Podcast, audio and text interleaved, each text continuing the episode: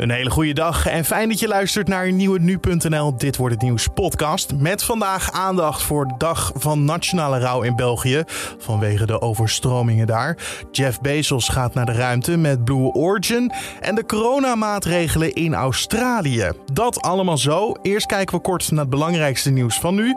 Mijn naam is Carne van der Brink en het is vandaag dinsdag 20 juli. De enorme brand die sinds gisteravond woedt in een bedrijvencomplex in Soesterberg heeft bijna het hele pand verwoest. Dat zegt de veiligheidsregio. De brandweer probeert een laatste deel nog te redden. Voor zover bekend zijn er geen slachtoffers.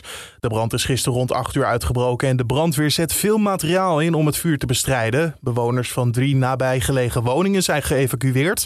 En de brandweer raadt omwonenden aan deuren en ramen te sluiten. De oorzaak van de brand is nog onduidelijk.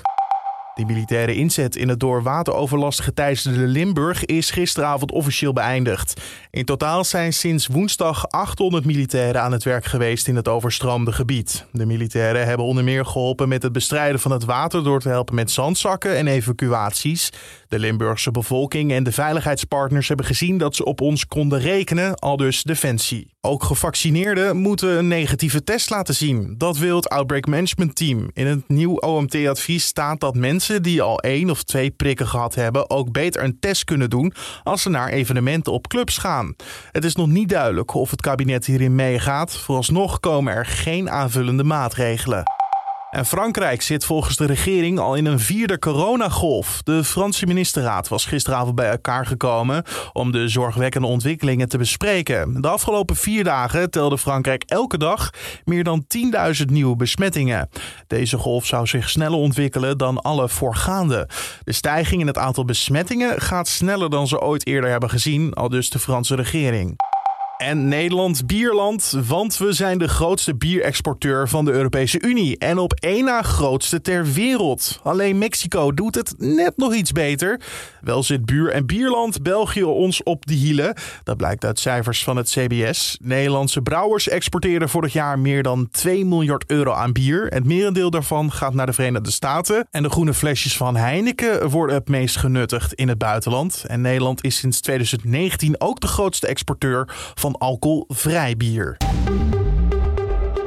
Dan over naar de dag van vandaag, oftewel dit wordt het nieuws. In België is vandaag een dag van nationale rouw afgekondigd voor de slachtoffers van de watersnood in het land.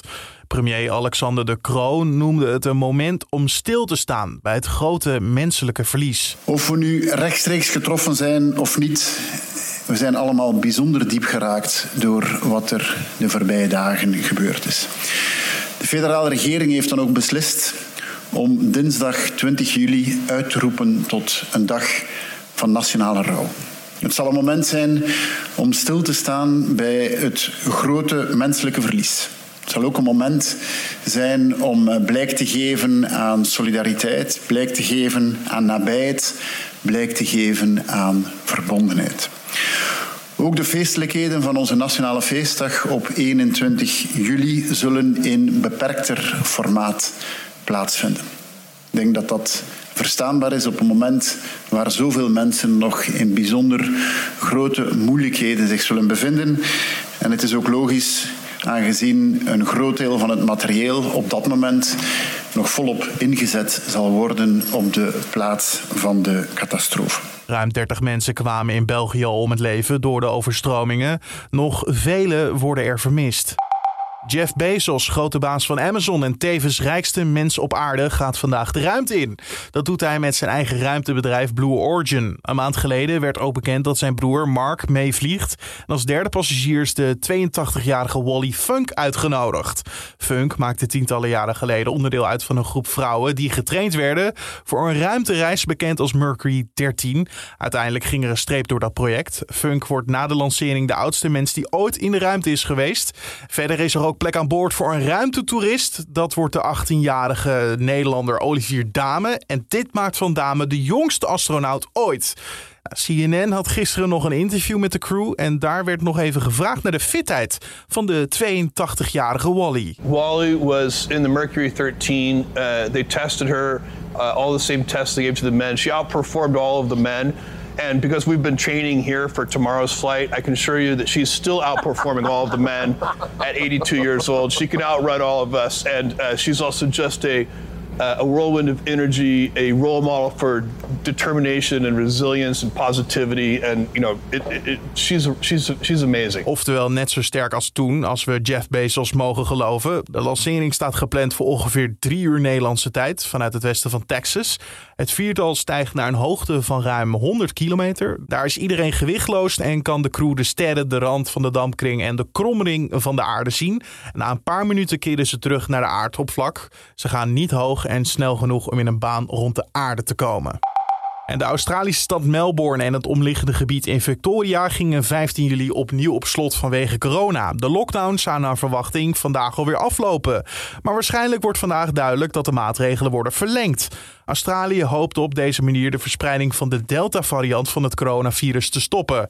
In een maand tijd werden zo'n duizend coronabesmettingen gemeld in het land dat het virus tot nu toe grotendeels onder controle wist te houden. En dan het tropische weer van vandaag, dat hoor je van Wouter van Bernebeek van Weerplaza. Af en toe schijnt de zon vandaag, maar er zijn ook wolkenvelden en vooral in het noordoosten kunnen die wolkenvelden af en toe toch wel hardnekkig zijn.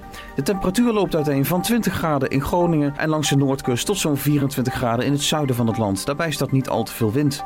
Vanavond en vannacht koelt het flink af. De laagste temperaturen worden in het oosten verwacht en zullen rond de graad of 10 liggen. Plaatselijk kan verder een mistbank ontstaan. Ook de komende dagen is het droog met geregeld zon. In het noorden komt soms wat meer bewolking voor en de temperatuur loopt uiteen van zo'n 21 tot 25 graden. Later in de week lijkt het beduidend warmer te worden met op veel plaatsen zomerse temperaturen. Dankjewel Wouter van Bernebeek van Weerplaza. En om af te sluiten nog even dit. Schrijfster J.K. Rowling zegt honderden bedreigingen te hebben ontvangen sinds ze controversiële uitspraken deed over transgenders. De Harry Potter schrijfster meldt op Twitter dat het ging om activisten die haar wilden slaan, verkrachten, vermoorden en bombarderen. Rowling kwam twee jaar geleden onder het vuur te liggen toen ze een artikel bekritiseerde waarin de omschrijving mensen die menstrueren voorkwam. Ze grapte dat daar toch een woord voor was, doelend op vrouwen. Nou, nemen dat haar kwalijk, omdat ook transgender mannen kunnen menstrueren. Sindsdien wordt ze dus bestookt met haatberichten. Dat heeft ze nu gedeeld op Twitter. Tot zover deze Dit wordt de Nieuws podcast voor de dinsdag 20 juli. Je vindt ons in de ochtend en middag op de voorpagina van nu.nl en in je favoriete podcast app. Help ons de podcast beter te maken via een mailtje te sturen naar podcast.nu.nl of een recensie achter te laten bij Apple Podcast. Mijn naam is Carne van der Brink. Een hele mooie dag en heel erg bedankt voor het luisteren.